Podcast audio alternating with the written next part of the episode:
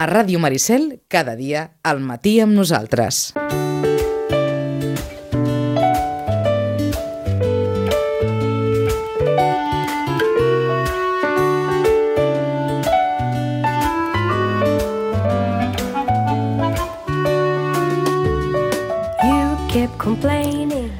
Les 9 i 49 és hora del menja sa amb Jaume Jiménez. You know that you got me looking to see the metamorphose.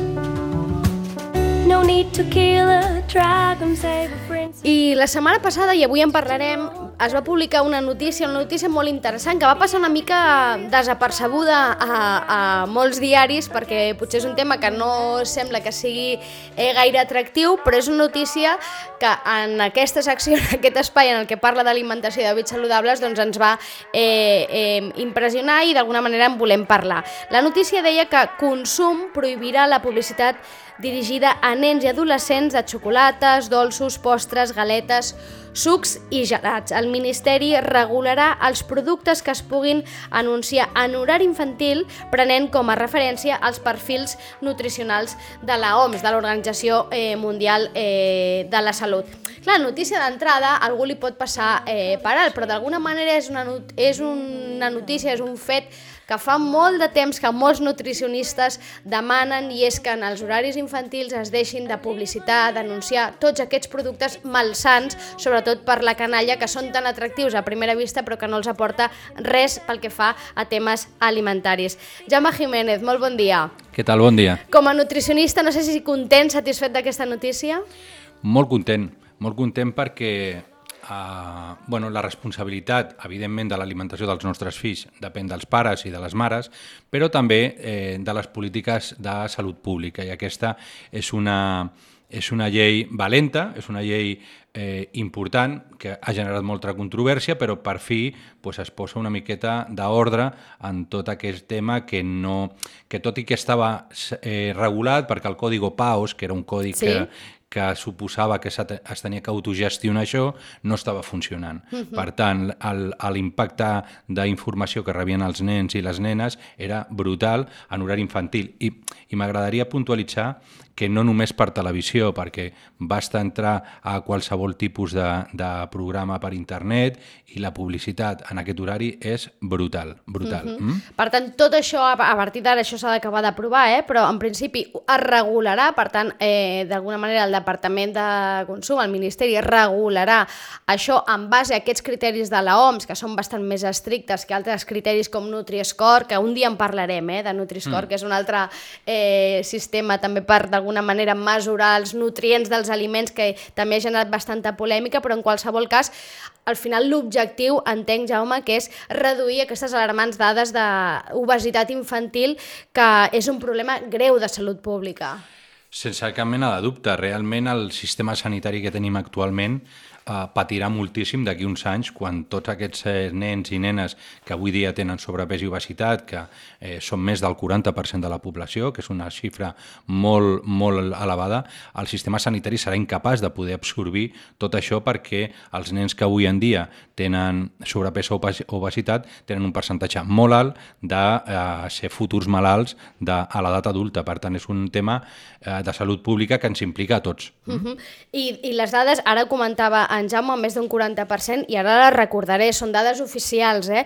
més d'un 40, un 40,6% dels menors entre 6 i 9 anys té accés de pes a Espanya, dels que el 23,3% està a nivells de sobrepès, és a dir, ja no és un excés de pes, és sobrepès, i el 17,3% pateix obesitat. Per tant, parlem ja eh, de malaltia. I una altra dada, Jaume, i ara entrem ja més en matèria, que a mi m'ha cridat molt l'atenció, i és que eh, aquests estudis i aquest eh, anunci que s'acompanyava doncs, d'aquestes doncs, dades a nivell estatal, eh, dades oficials, recordo, diu que el 88,6% dels pares d'escolars amb sobrepès, és a dir, una majoria amplíssima dels pares que tenen, tenim nens amb, podem tenir nens amb sobrepès, no ho percebem com a tal. Que això és molt greu, és a dir, els pares que d'alguna manera som, som els responsables de l'alimentació dels nostres fills, no percebem, no som capaços de percebre quan el nostre fill té sobrepès. La dada és inquietant, però també és, és molt inquietant la dada de que el 42,7% del, dels nens que tenen obesitat, que és molt més evident, els pares no ho perceben com un problema. Per tant, estem davant d'una situació complexa perquè si els pares no prenen consciència de la situació, difícilment podran prendre mesures, perquè per fer un canvi el primer que hem de fer és prendre consciència. Per tant, és un tema en el que hem de treballar i sobretot Uh, a veure, hem de tenir en compte que els pares i les mares miren els fills amb, amb la millor intenció per i, i, i amb tot l'amor. Per descomptat, per... tots aquests pares, fins i tot els que no perceben que el seu fill té un problema d'obesitat, ho fan amb tot l'amor del món mundial, Exacte. per descomptat. I, I aquí ve, no? O sigui, però igual que jo posava l'altre dia parlant amb una companya de que avui dia eh, a ningú eh, se li passa pel cap que un nen estigui en, un, en, en una habitació tancada amb una persona que estigui fumant no? a ningú. O està en un lloc on, on, on vas al cotxe i la gent està fumant. A ningú eh, se li acut, no? Fa uns anys era impensable això, però és pràcticament el mateix, o sigui, hem de prendre consciència de que el que, eh, el que a nosaltres ens han donat no és el més beneficiós, perquè els pares i les mares eh, donem l'alimentació eh, que, que, que sabem i ho fem el millor que sabem. Però clar, això moltes vegades no es correspon amb, la, amb, amb el que és el més correcte. I el primer que hem de tenir en compte és ser objectius i no estimem menys al nostre fill o a la nostra filla per eh, donar-li unes opcions d'aliments que no tinguin sucres i no tinguin greix. O sigui, això no té res a veure amb, amb amor, té res a veure amb salut. Per tant, hem de trobar sempre, primer, prendre consciència de la situació en la que es troben els nostres nens i a partir d'aquí eh, utilitzar eines o demanar assessorament per poder eh, disposar de la, de la major varietat d'aliments saludables. Aquesta és una de les eines. I per on comencem? Per on hauríem de començar els pares? Perquè, eh, clar, és veritat que escoltant i llegint a, a, a aquestes dades, com a pare eh, o com a mare, una eh, es pot alarmar i diu, i igual pot entrar algú en estat de xoc i diu, doncs prohibim ara o prohibim mm, tots els sucres i tots eh, els ultraprocessats els prohibim, els eliminem del tot de la nostra nevera, doncs el nostre fill igual entra en un estat també de xoc perquè diu la meva mare s'ha tornat eh, boja i ara de sobte només em fa menjar bròcoli. I, clar, Exacte. entenc que tampoc no és el camí. Per tant, quin ha de ser el camí per arribar a, a, a aquesta conscienciació i aconseguir que els nostres fills tinguin una alimentació més saludable possible? El primer que hem de tenir en compte és prendre consciència de lo que estem fent nosaltres com a pares i mares. Això és el principal, perquè si jo m'estic menjant un Frankfurt per sopar, home, difícilment el meu fill o la meva filla prendrà un plat d'espinacs, per dir alguna cosa, no? Si nosaltres prenem consciència de lo que estem fent i a partir d'aquí eh, modifiquem eh, petits hàbits, o sigui, no cal canviar radicalment, perquè com tu deies, moltes vegades passem del negre al blanc, i això al final acaba provocant eh, el que són les neofòbies, que és que els nens comencen a tenir fòbia a certs aliments, quan li posem bròquil cada vegada, li obliguem a menjar bròquil o qualsevol altre producte. No? El que hem de tenir en compte són petits canvis i sobretot, sobretot, eh, canviar nosaltres. Si nosaltres canviem i nosaltres eh, valorem eh, la, el moment de la compra com un moment important, perquè tots anem molt de pressa, tots anem al súper eh, un diumenge perquè no podem anar entre setmana, o sigui, hem de cuidar el moment de la compra, perquè el que nosaltres comprem és el que es menjarà. Si nosaltres fem una compra, eh, diria dolenta, però no dolenta, no, no del tot saludable, evidentment aquells aliments es menjaran. Per tant, el moment de la compra és un moment molt important i sobretot jo sempre dic que hem de prendre aliments que estiguin a la seva forma natural, a, a, o sigui, que estiguin eh, el més natural possible. Uh -huh. Per exemple, si nosaltres agafem eh, qualsevol tipus d'aliments i els processem nosaltres, sempre seran molt més saludables que si els comprem ja fets. D'acord? Productes que no es trobin de manera natural a la natura els hem de reduir. No cal eliminar, perquè, per exemple, ara tu deies eh, el tema de, de ser molt radical, ara ha vingut Halloween i la gent s'ha pues, tornat boja. Sí, ens eh... hem tornat tots bojos amb el... Hem embogit, absolutament. Bueno, bueno, bueno, jo no... et dic una cosa. Els nutricionistes heu hagut de tapar-vos els ulls perquè... Jo espero que, que, que hagi sigut perquè hi ha hagut Covid i ha sigut dos anys molt durs, perquè el que jo vaig veure a, a Vallpineda, que és on jo visc, Sí. uh, de, de festes a cases, nens pel carrer, bosses de carmels, no ho havia vist mai i porto vivint allà 9 anys. O sigui, és una apologia de, de, del consum. Però tot i això, eh, això ho poden fer els nens. O sigui, no, no, no hem de criminalitzar, però això és un dia puntual i els carmels o, la, o, o els dolços que no s'han menjat s'agafen o es guarden o es llencen. Però si aquests dolços es mengen durant fins que s'acabin, aquest serà el problema. El que fem cada dia és lo realment important sobre la salut. Hi ha una frase, em sembla que és de, de Julio Basulto, que és un nutricionista que tots dos admirem molt, mm. eh, i diria que és seva, que sempre diu lo que no compres, no, no, no, lo que no compres no se come. És a dir, i Totalment va una mica en la línia del que comentaves, no? quan anem al, al supermercat o anem a fer la compra, comprem conscientment. Si, allò que no compris no s'ho menjarà ningú a casa. Per tant, Exacte. intentem reduir, entenc, la compra de tots aquells productes que sabem, que som conscients que són malsans. Clar, després hi ha la, la, la qüestió, és a dir, d'entrada la teoria més o menys la sabem tots. Més vegetals, més fruita, tots sabem mm -hmm. que això és saludable, eh, tots sabem després que les, eh, que, que les llaminadures no són saludables, però després hi ha un, un, una zona intermitja d'un uh -huh. munt de productes que moltes vegades probablement entrem en el dubte de si això és saludable o no, perquè també és veritat que la indústria alimentària s'encarrega de posar-te tot en un format que sembli tot molt saludable i no sempre és així, no?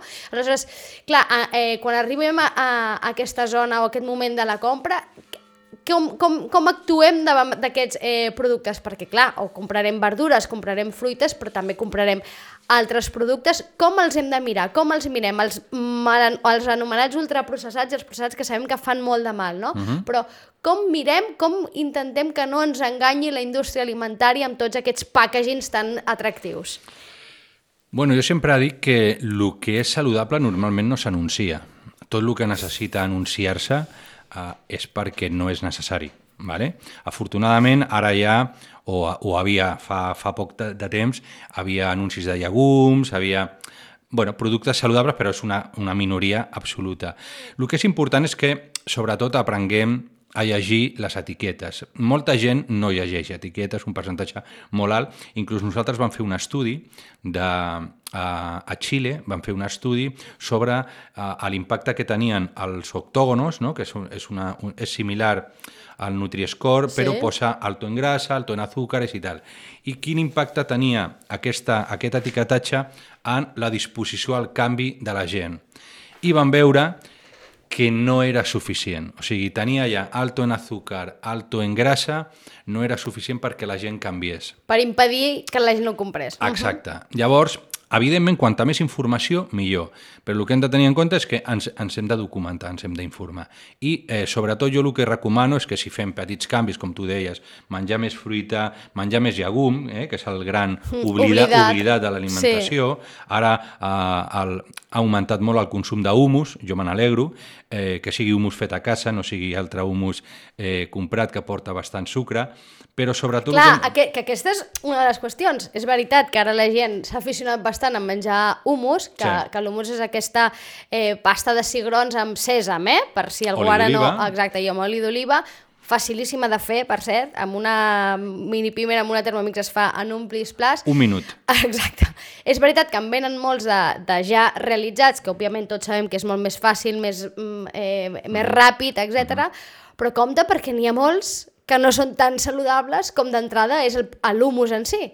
Evidentment. Aleshores, clar, en què ens hem de fixar aquí? En la quantitat de sucre, en què Sí. ens hem de fixar? Sí, a veure, un, un petit canvi fàcil és mirar la quantitat de sucre. Tot, aquest, uh, tot aquell aliment que porti més d'un 10% eh, de sucre, ja hem de desconfiar d'aquest producte. Això ja és important. Si nosaltres agafem unes galetes, per exemple, i la galeta té eh, mm, 70% d'hidrat de carboni, no?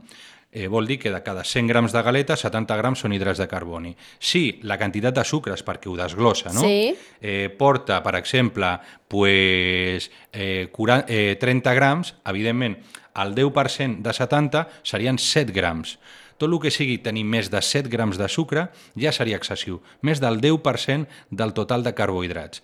D'aquesta manera veurem que els aliments que realment són integrals tenen aquesta proporció més baixa, però tot l'aliment que sigui més pues, ultraprocessat, eh, ensucrat, tindrà una quantitat de sucres molt superior a aquest 10%. I després entenc que també, i mira d'aplicar una mica sentit comú, l'humus a casa, quan el fem, no li posem pas sucre. És a dir, és un, un aliment, és un plat que, que, que a l'hora de cuinar-lo no necessita sucre. Per tant, si nosaltres no li hem de posar sucre quan el fem a casa, entenc que no fa falta que porti sucre eh, a qualsevol humus envasat. Per tant, ja desconfiem de quan li posen sucre a aliments o, o a plats, en aquest cas, uh -huh. Que, que ens estranya no, que hagi de portar sucre, no? Bueno, perquè si porta sucre mengem més. Si mengem més, consumim més. O sigui, això està clar. La gent que li agrada molt el sucre i, i li agraden aquests humus preparats, jo els hi recomano que facin eh, humus de remolatge. Uh -huh. L'humus de remolatge es fa amb cigrons igual, però també es pot ficar remolatge, si volen ja penjarem la, la, la, recepta, la recepta o ja te la passaré, sí. perquè són opcions que dona cert dolçor i a part, bueno, és un producte absolutament saludable. Perquè la remolatge un, és dolça, no? Clar, uh -huh. o sigui, és que de fet el, el sucre blanc que comprem, l'azúcar blanquilla, Surt, sí. eh, majoritàriament està estret de la remolatge. Uh -huh. la, la, la gent pensa que és de la canya de sucre, però ve de la remolatge, que és un producte molt dolç, però porta un sucre eh, diguéssim, intrínsec, que és un sucre que no és comparable al sucre blanquilla que comprem a, de color blanc. I tan fàcil com la quantitat de cigrons que un posa normalment al sucre, doncs la canvia per remolatge i afegeix també una mica de cigrons, però afegeix, eh, afegeix remolatge ja cuita, eh? Pot comprar d'aquesta que ja ah. està cuita a, al supermercat, que no té absolutament res, és una remolatge cuita,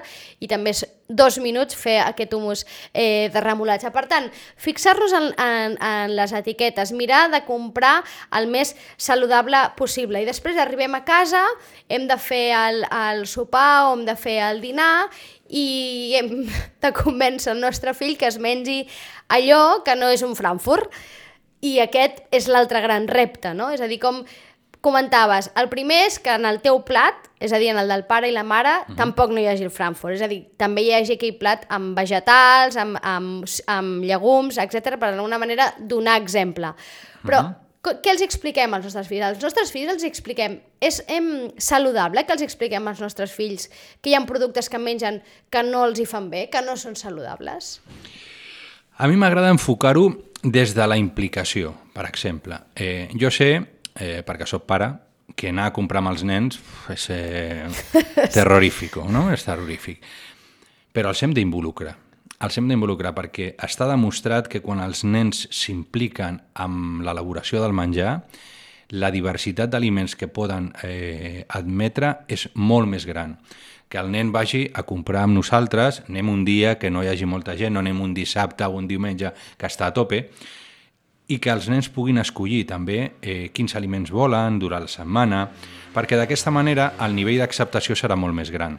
Igual que eh, si eh, nosaltres els, impliquem a la cuina, que puguin fer algú, alguna preparació del plat, això incrementa moltíssim la, eh, la incorporació de nous aliments, està molt, molt estudiat. Per tant, clar, si el nen no ve a comprar, el nen no entra a la cuina uh, i li posem un plat a taula que ho poso jo perquè jo vull, és molt fàcil que el nen no ho vulgui. Però si hem implicat els nostres fills és molt més fàcil. Fem-ho divertit, cuidem la presentació, que és molt important. Avui en dia hi ha moltes famílies monoparentals uh -huh. i clar, quan un viu sol, doncs home, la, no cuida massa la presentació dels plats. Per què? Perquè per menjar per un o per dos però és molt important en els nens que canviem les coccions, que cuidem la presentació. Simplement posar alguna maco eh, farà molt més atractiu aquell plat i farà que el nen ho vulgui menjar. Clar, si el nen no ha menjat mai bledes i li posem bledes, doncs no les voldrà. Sí, si poses I... un plat de bledes bullides d'entrada molt atractiu no és. Evidentment, i a mi m'encanten les bledes, però entenc que a un nen no. I més, si el nen està acostumat a la hiperpalatabilitat de productes molt ensucrats, eh, evidentment això no li, dona, no, no li sabrà res, perquè té unes papil·les gustatives hiperestimulades per productes molt rics en sal, molt rics en, en sucre, llavors hem de fer un deshabituament del paladar, anar canviant a poc a poc, no canviem radicalment tot. Jo faria, eh, puntualitzaria sobretot perquè els pares i les mares puguin identificar quins són els aliments que estadísticament més consumeixen i més impacte tenen sobre el pes dels nens. Vinga, perfecte. I aquests es- són els que tindrien que limitar o eliminar directament. Per exemple, les begudes a base de fruites. Totes aquestes begudes a base de fruites, la quantitat de sucre és brutal. Els sucs, eh? Aquells sucs, aquells tetrabrics eh, petits eh, que, que semblen saludables, allò és el gran enemic eh, de Leche con melocotón, bueno, aquest, aquest tipus de, de, de, de productes que són molt pràctics, perquè jo entenc que són molt pràctics, però porten una quantitat de sucre, a més, sucre afegit, sucre lliure, que provoca una descàrrega brutal de, de sucre al, a la sang, i això té un impacte directe sobre el metabolisme dels nens, d'acord? El segon producte, totes les begudes, begudes carbonatades, i aquí entrarien les, els productes, evidentment, normals, taronja, llimona, coles, uh -huh. però també hem de tenir en compte que tots aquests productes sense sucre, que ara el percentatge de venda és molt alt, eh, pràcticament l'altre dia una beguda de cola molt famosa eh, a no sé quin país estava venent molt més de, de productes sense sucre que amb sucre. Les, les, les vers, versions aquestes de 0-0, zeros, Ah, exacte. o les light, etc. no? Evidentment, sobre el pes poden tenir un impacte positiu, perquè evidentment no porten sucre, però clar, quin és el problema d'això? Per una banda, eh, continuen afavorint la hiperpalatabilitat, o sigui, el nostre paladar continua demanant producte dolç, això s'ha vist amb els edulcorants, i a sobre eh, eh, afecten negativament a la nostra microbiota intestinal. Per tant, eh, té un impacte negatiu sobre la preferència d'aliments i sobre el, el nostre aparell digestiu. Per tant, cuidado, perquè moltes vegades agafem l'opció zero amb la millor intenció, però tampoc és una alternativa. Per tant, resumint el que, aquestes dues puntualitzacions que ara eh, explicava en Jaume. Es veu aigua, bevem aigua, bevem aigua, ni sucs, sobretot les criatures, ni sucs Clar. ni refrescos, bevem aigües. Entenc que si un dia en una festa, en un aniversari, prens un refresc, que sigui això, un dia una festa aniversari. Però Exacte. en el nostre dia a dia, de la nostra normalitat, la beguda ha de ser aigua. Què més, Jaume? Quins més aliments volies comentar? Tot el que és menjar preparat. Lasanyes, eh, pizzas, pizza congelada, pizza eh, ràpida... O sigui, tot el que és menjar preparat, no només sucre, sinó que porten molta sal. I la sal també hem de tenir en compte que estimula moltíssim el paladar. I a part, la sal té un efecte eh, que molta gent no sap, i és que quan mengem un producte que té sucre i té sal, absorbim més quantitat de sucre al budell. Per tant, si a sobre que l'aliment té molt de sucre li afegim que té molta sal, doncs tindrem un problema. I què és un producte ric amb sal? Aquest que porta entre 400 i 1.000 mil·lígrams de sodi per 100 grams. Aquest producte ja po- podem considerar que és un producte ric amb sal. Hem de mirar les etiquetes. Mm? Perfecte. I com a últim seria a panes, bollos industriales, o sigui, tota, La tota aquesta... industrial. Bolleria industrial. Jo sempre dic que una cosa molt interessant és... Uh, quan agafem, tothom sap, eh, tothom s'ha menjat un brioix, no? Uh -huh. uh, que acaba de sortir del forn, no? Que tu agafes, o un croissant, no? Sí. Que tu agafes i les tires, veritat? Sí. Les tires i no es trenca, aquell croissant, no? Com un xiclet allò. Exacte. Eh, pues, quan més s'estiri, més quantitat de greix saturat porta. O sigui, quan diem, oh, quina olor aquest de mantega, no? que està... És bo, perquè Boníssim, realment és, és bo. boníssim. Jo he menjat i puc assegurar Són que, que és bo. Però quan més s'estiri sense trencar, més greix saturat porta. Per tant, bueno, són cosetes que, que hem de saber i amb petites cosetes ja estarem fent millor les coses. És a dir, només que, que aquests aliments, aquests, no, no els hi vull dir aliments, que aquests productes que has eh, anomenat, els sucs, els refrescos, el, els, ultra, els productes envasats, pizzas, etc etc i eh, la bolleria industrial, només que convertim aquests productes en una cosa molt esporàdica, molt puntual, entenc que ja haurem fet un gran pas. I tant. És a dir, no passa eh, per una prohibició absoluta i radical si ho estem prenent d'una manera més o menys regular, sinó per deixar-ho amb un, amb un pla com de mm, moment especial i específic i que el nostre dia a dia això no formi part de la nostra alimentació diària. Si volem fer les coses bé i combatre les xifres de sobrepès que parlàvem, hem d'actuar, i hem d'actuar ja.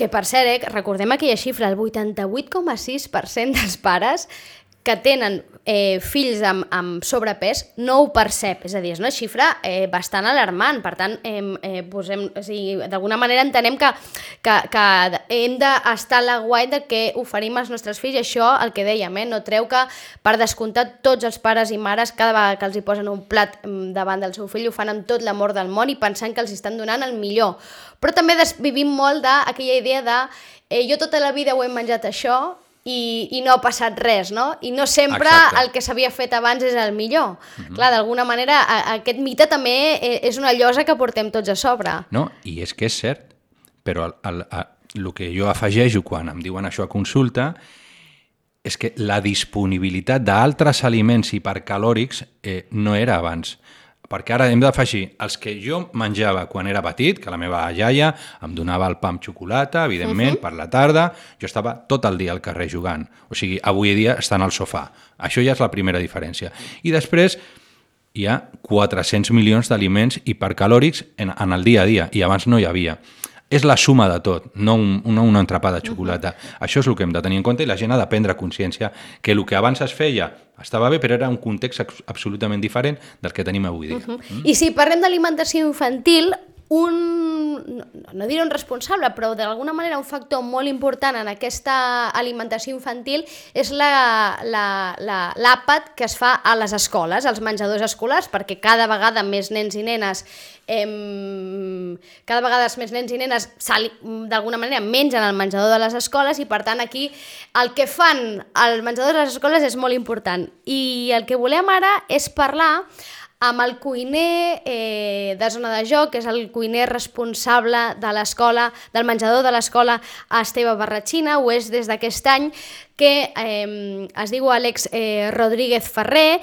i ell eh, està una mica en la línia aquesta de mirar de, de que el menjar que ofereix a les criatures, a la canalla d'aquesta escola sigui el més saludable possible, que també sigui producte de proximitat i per tant que vagi en aquesta línia d'alimentació eh, saludable. Àlex Rodríguez, molt bon dia. Hola, bon dia, Carola, com estem? Mm, primer et pregunto, què hi ha avui per dinar a l'escola Esteve Barratxina? Doncs avui hem fet una sopa d'au amb verdures i amb pistons, una mica de pasta, i de segon fem una hamburguesa de vedella casolana i li posem una tempura de verdures també de segon perquè volem promocionar molt el menjar de verdura. Uh mhm. -huh. I, de, I de posta tindrem una compota de, de pera i poma fet al forn. Perfecte. Eh, Àlex, fa just aquest anyet heu començat a, has començat a cuinar per l'escola Esteve Barratxina, si no m'equivoco? Sí. Uh -huh. I a més estàs, hem vist que estàs penjant eh, els menús, els plats que cuines a, a les teves xarxes i d'alguna manera aquí hem descobert aquestes propostes d'àpats eh, saludables. Jo no sé com és de difícil per un cuiner d'una escola, que per tant cuina per nens, com és de difícil aconseguir un menú eh, doncs on les verdures, els vegetals, no? les llegums, les fruites tinguin força presència i que aquest sigui atractiu i agradi a la canalla. Doncs la veritat és que és molt complicat, perquè, eh, com sabem, els nanos pues, passen de, de menjar purés quan són més petits a començar aquí al col·le a P3 a començar a menjar sòlid i a casa no estan acostumats a menjar aquest tipus de menjar perquè simplement la societat ha anat a una evolució de quinta gamma i coses pre, prefetes uh -huh. i, i, i llavors els nanos aquí ara pues, està costant, està costant molt perquè mm, diguem que nosaltres estem intentant reeducar una cosa que s'hauria de fer a casa, però nosaltres tenim una filosofia i és eh, la proximitat, la saludabilitat, molt vegetal, proteïna vegetal, intentar no menjar tanta carn perquè, a part de que s'encareix tot, no és bo per nosaltres. No? Tenim, hi ha uns cànons que ha marcat la Generalitat, que una estarà d'acord o no, però eh, és bastant complicat. Aquí tenim de tot dies que és una triomfada, com diríem, i dies que són un desastre perquè veus com el menjar se'n va a l'esbrossa. Clar, eh, és a dir, és tot un repte cuinar per, eh, pels nens, intentar eh, fer una mica un canvi d'hàbits, no? I que deies que s'hauria de fer casa però que no sempre passa, Eh, jo no sé si això també ho trobeu molt, no? És a dir, si els cuiners a les escoles, els que mireu d'això d'oferir una alimentació el més saludable possible, si us adoneu de, de que de vegades a casa no ho fem del tot bé. Ens adonem perquè els nanos mateixos no tenen filtre i t'ho diuen. Diuen, no, això no lo como en casa, jo como mi pizza i jo menjo la meva hamburguesa d'aquesta d'on sigui processada, m'entens? Llavors, o menjo els meus fregits, llavors diuen, per què no puedo comer lo mismo? No? I nosaltres aquí intentem dir, no, és que estem intentant eh, que la teva salut mm, vagi evolucionant bé. Sou petits, ara tenim l'oportunitat de que agafeu uns hàbits perquè en un futur pugueu tornar-lo a aplicar quan creixeu a les vostres famílies. El que passa que ja et dic, és complicadíssim, és complicadíssim i els nanos eh, posen de la seva part. I els hem d'amagar la verdura, els hem d'amagar. Moltes vegades no no es veu present. La tenim que triturar, la fem amb salsa, fem uns bons sofregits que quedin dintre i només es vegi el que els agrada. Uh -huh. Però, bueno, tenim un repte i tenim, aquest any hem començat i a veure, a veure fins, fins quan ens tallin les ales, que sempre hi ha els pares darrere, perquè no cuines pels nens no, només, cuines pels pares que decideixen oye, però al final mi hijo no come. Saps que vull dir? Aquesta frase és Clar. molt important. Clar, aquest, aquest és el, eh, eh, l'altre gran repte, no? És a dir, que eh, moltes vegades els pares el que volen és que el nen mengi, sigui el que sigui. Ah, Exactament, vol que mengi, vol que mengi. Però clar, es, es contradiuen perquè vol que mengi, però clar, no podes dar-li fritos tot el dia, saps què vull dir? O sigui, es contradiuen ells mateixos, veuen el menú, oi, que atractiu, que guai tal, però coneixen el seu nano i diuen que avui no menjarà res. Llavors hi ha dos, dos opcions, eh, donar confiança a la cuina d'un col·legi, donar-li confiança i al, al treball que està fent, i aquí, a partir d'aquí, a casa saber que ells tenen que portar alguna cosa perquè no tinguin que dir, ostres, avui el nen no menjarà res, saps? I després que no ho fan això, no fan una, no fan una reflexió, sinó que directament veuen, no, claro, que iba a comer mi hijo, ¿no? Y no ha comido, yo quiero que coma. Llavors tenim aquí el repte d'aconseguir comunicar-nos Heu de convèncer no només els fills, els nens, els alumnes que es mengin aquell plat que mm, potser no els hi atrau gaire, no? o no els interessa Exacte. gaire, sinó que heu de convèncer també els pares de que aquella és la millor opció, encara que no se la mengin, el primer Ah, dia o el segon dia. Exacte, exacte, exactament és així, exactament és així. Àlex, I tenim aquí... nanos- Digues, digue'm, digues, digues, digues. No, deia que, que aconseguir també que els nanos no arribin a casa i diguen la comida és una mierda, simplement perquè a ells no els hi agrada. Mhm, M'entén? Perquè llavors dona la sensació de que, la, que no es cuina bé. Mhm. I, Ja que, està. I simplement és exacte, no és que sigui eh, que no, és que no estigui bé, sinó que no els agrada, no, no és el seu plat favorit, no, diguéssim. Exactament. Àlex, tinc aquí amb mi en Jaume Jiménez, que és el nutricionista amb qui fem aquest espai del menja sa cada 15 dies a, a Ràdio Maricel. Jaume, aprofito que, que et tinc aquí i ara que ell comentava aquesta situació, no?, de que els pares de vegades el que volen és que mengin sigui el que sigui. Jo pregunto, passa res si un nen no menja un dia? És a dir, no menja no vol dir que no mengi res, però que no es menja el plat o que arriba a casa i diu avui no he dinat gairebé res perquè no m'agrada el menjar. Passa alguna cosa? A aquell nen li passa alguna cosa? Primer de tot et vull felicitar per la bona feina que fas, que és molt important Gràcies. això. Eh? Però, eh, com tu bé dius, Carola, eh, estadísticament els nens que mengen al col·legi durant tot el curs acadèmic, això només suposa aproximadament el 10-15% de la seva ingesta calòrica. Què vol dir? Que el 85 i 90% de la ingesta depèn de lo que mengen a casa. Per tant, si el nen avui no ha menjat gaire, eh, en principi no li passa res. Per què? Perquè l'esmorzar el fa a casa, mig de matí, mitja tarda, sopar...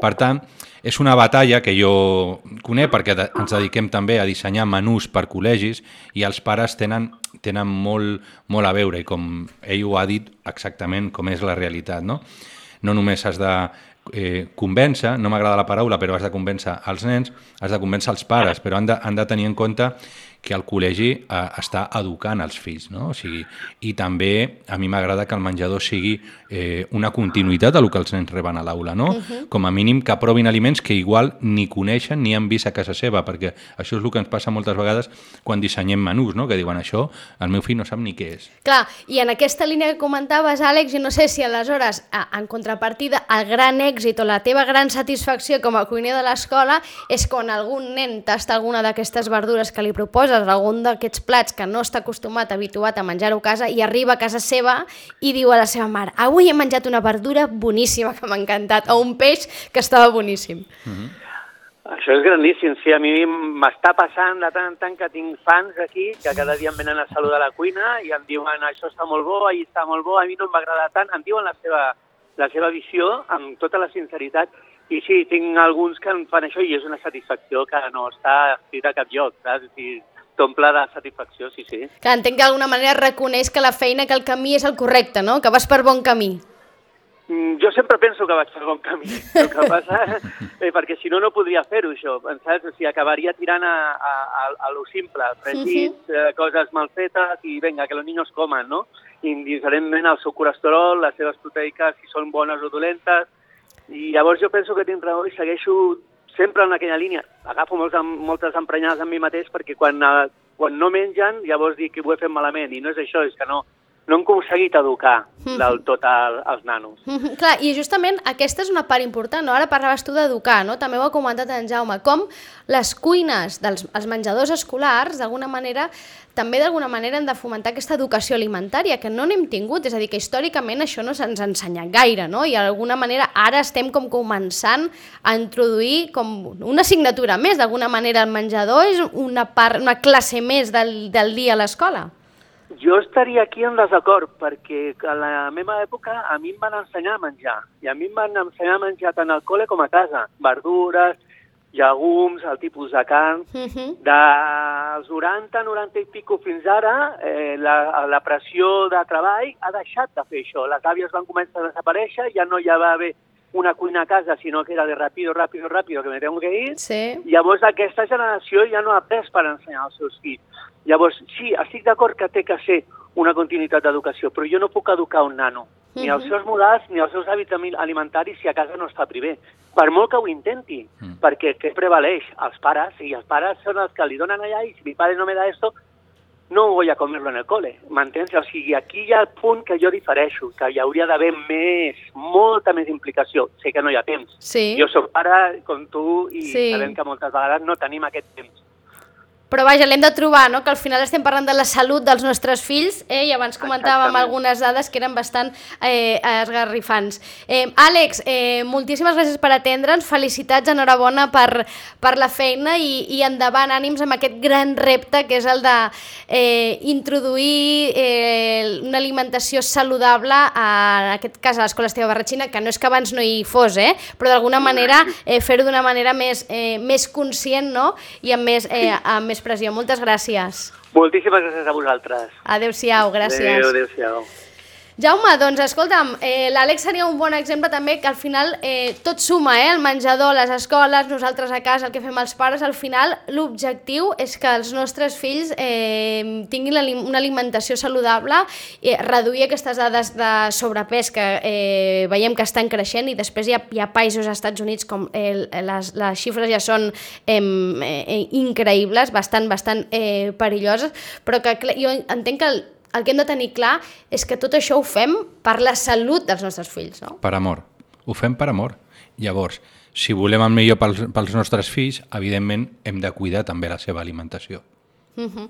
Doncs ens quedem amb això, amb cuidar la seva alimentació, amb aquestes petites pautes que ens ha donat avui en Jaume Jiménez al Menjassà. Ens tornem a veure en 15 dies. Ens ha quedat algun tema sobre la taula que ja el recuperarem en 15 dies perquè sempre se'ns fa curta uh, aquesta secció. Jaume, moltes gràcies. A vosaltres. Fins la propera. Adéu-siau. Gràcies.